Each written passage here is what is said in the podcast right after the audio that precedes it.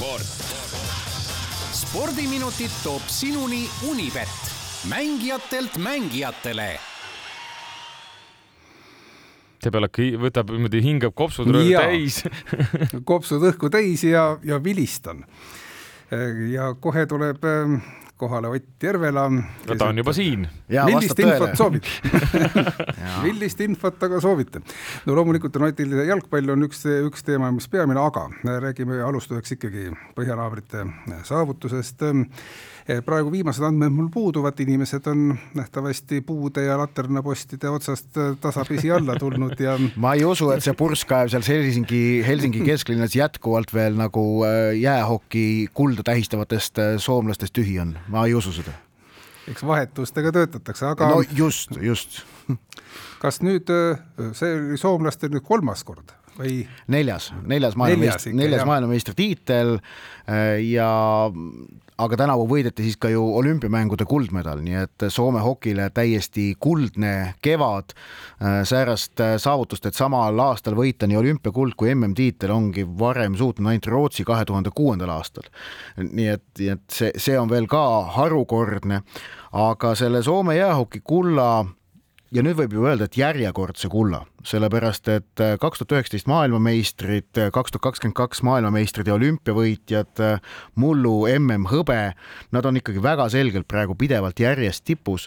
nii et võib öelda isegi järjekordse mm kulla, minu meelest üks kaasnähe tundubki olevat, et, et Soome ähm, jäähokimeeskond, mis, mis tegelikult oli pikka aega säärane, kellel oli nagu mingisugune väikene kramp sees, et kas, kas õnnestub ikkagi ähm, ennast järjekindlalt seal tipus kehtestada, nüüd on sellega hakkama saanud ja, ja noh, nad ei karda keda kuraditki äh,. Nad on väga selged, see, see, see jäähoki stiil, mida Soome koondis just viljeleb, on osutunud rahvusvahelisel tasemel praegu väga läbilöögivõimeliseks ning äh, seda kõike on nagu muidugi meil minu meelest vähemalt minul nagu Eesti spordisõbral on väga nagu nauditav jälgida, kuidas äh, soomlased oma järjekindlusega lihtsalt on ennast oma sellel lemmikalal kehtestanud ja, ja, ja väga tähtis on ka see, et nad oskavad neid võite nautida ja tähistada, see on, see on väga tähtis osa spordist, et oskad võitu nautida ja tähistada.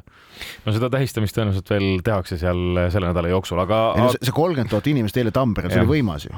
aga tuleme nüüd äh, asjade juurde, mis no tegelikult võib-olla natukene nädalavahetusest, ühesõnaga jalgpalli juurde me tuleme ja eks me hakkame Rahvuste Liigast ka kohe rääkima, aga ma mõne sõnaga veel, kuna need järelmid kestavad, vaadates tänagi äh, välismaiseid uudisteportaale, siis on alustatud siis iseseisvat uurimist seoses politsei vägivallaga Inglismaa jalgpallifännide suhtes, täpsemalt siis Liverpooli fännide suhtes, kes meistrite liiga finaalis ei pääsenud õigel ajal tribüünile ja seal olid kokkupõrked, mäng venis vist kolmkümmend kuus minutit. ja äh, noh, see on muidugi tohutult ootamatu, erakordne ja võiks öelda isegi arulage ja absurdne, et Euroopa klubi jalgpallihooaja kõige oodatum ja kõige tähtsam kohtumine, milleks meistrite liiga finaal on, ei alga õigel ajal korralduslike probleemide pärast. Mm -hmm.. okei okay,, tuleb äh, pikk see torm, noh, arusaadav, tuleb, tuleb, tuleb, jah, tuleb natukene edasi lükata või, või, või muu säärane tegelik ka force de majeure, aga see ei olnud, kui, kui sul on korraldamatus, siis see on, on väga selgelt ikkagi ise tekitatud probleem ning see, mis Pariisis ja Stade France'i ümber toimus, no need ähm, kaadrid, nii videod kui fotod, mis selle sündmuse kohta on nüüd jõudnud äh, avalikkuse ette, need on päris koledad, seal esmane lühikene järeldus on see, et, et äh, vedas, et keegi surma ei saanud noh, sellepärast et, et oht selleks oli ilmselgelt olemas. ja kokkuvõttes taaskord, nagu ma alati ütlen, kui mingisugune jama kuskil spordimaailmas ennast väga suurelt lahti rullib, siis see on õudselt nõme Äh, muuhulgas või tegelikult isegi eelkõige põhjusel, et see võtab ära teenitud tähelepanu sportlastelt.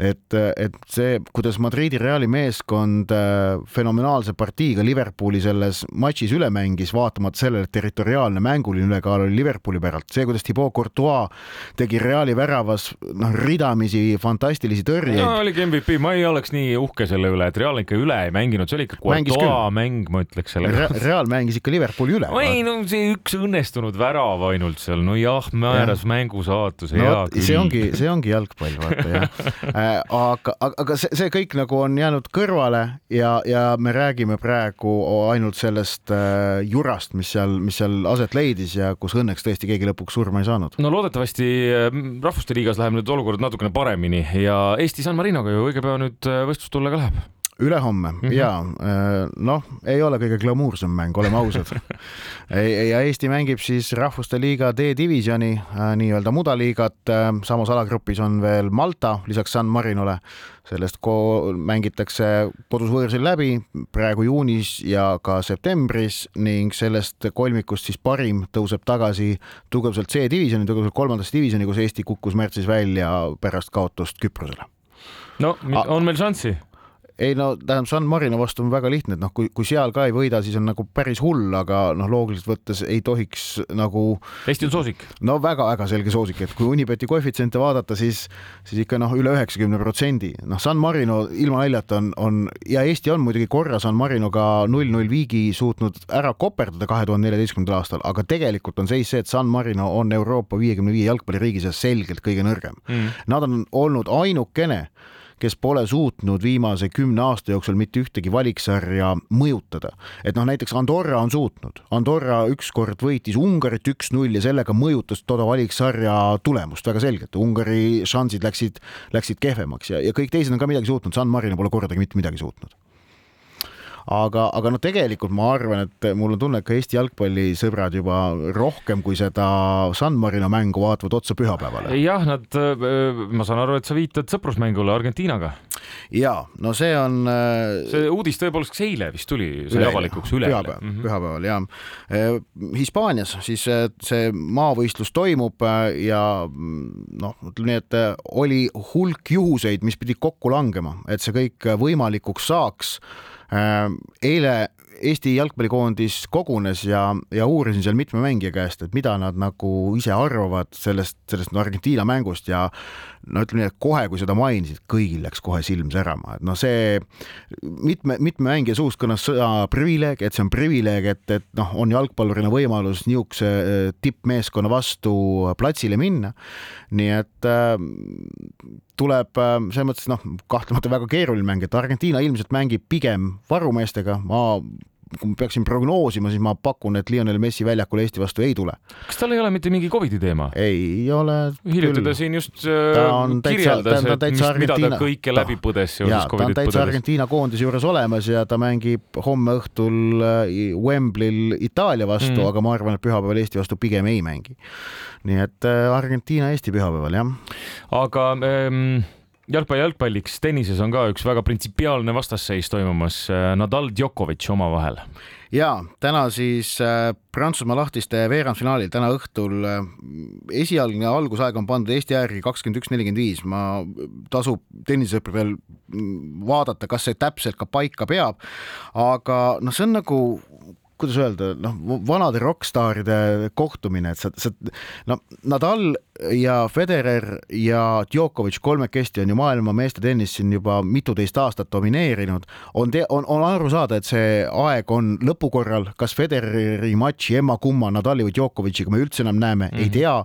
nii et see võib olla üks viimaseid etendusi, mida need omavahelises duellis annavad äh,. Unibeti koefitsientide järgi on Djokovic selle mängu soosik Äh, nii et Rafael Nadal Prantsusmaa lahtistel oma saviliival, kus ta on võitnud üle kümne tiitli, ei ole soosik, see on, see on omamoodi kummaline, aga ja, nii praegu on. seal võib olla ka põhjus selles, et, et siin ka viimased mängud on tegelikult, ega Nadalil ei ole lihtsalt tulnud. ei ole, ei ole jah, et, et äh, see on see, et aeg teeb ikkagi lõpuks kõigiga oma töö. noored kuked tulevad peale. jah, noh, Djokovic ka teab, mis noor ei ole, aga, aga just sääraste no ma ei kujuta ette, kuidas öelda, et see on nagu noh, Beatlesi tagasituleku kontsert või noh, nagu Backstreet Boys tuleks uuesti kokku, midagi sellist et.... Nad tulid, see ei olnud väga ilus. Aa, eh, no okei okay,, no siis, siis võtame midagi klassikalisemat, onju, et, et, et, et see, need, need ähm, tippude äh,, nad on viiskümmend kaheksa korda juba omavahel mänginud peaks tundma teineteist läbi. kõik on nähtud, kõik on tehtud, ikkagi on väga võluv vaadata, see on selle matši võlu. nii on ja seda me saame siis juba, juba täna ja, äh, täna... ka näha. nii et on põnevat, äh, Ott, me saame reedel rääkida ilmselt juba Rahvuste Liigast äh, konkreetsemalt. teeme nii. sport spordiminutid toob sinuni Unibet, mängijatelt mängijatele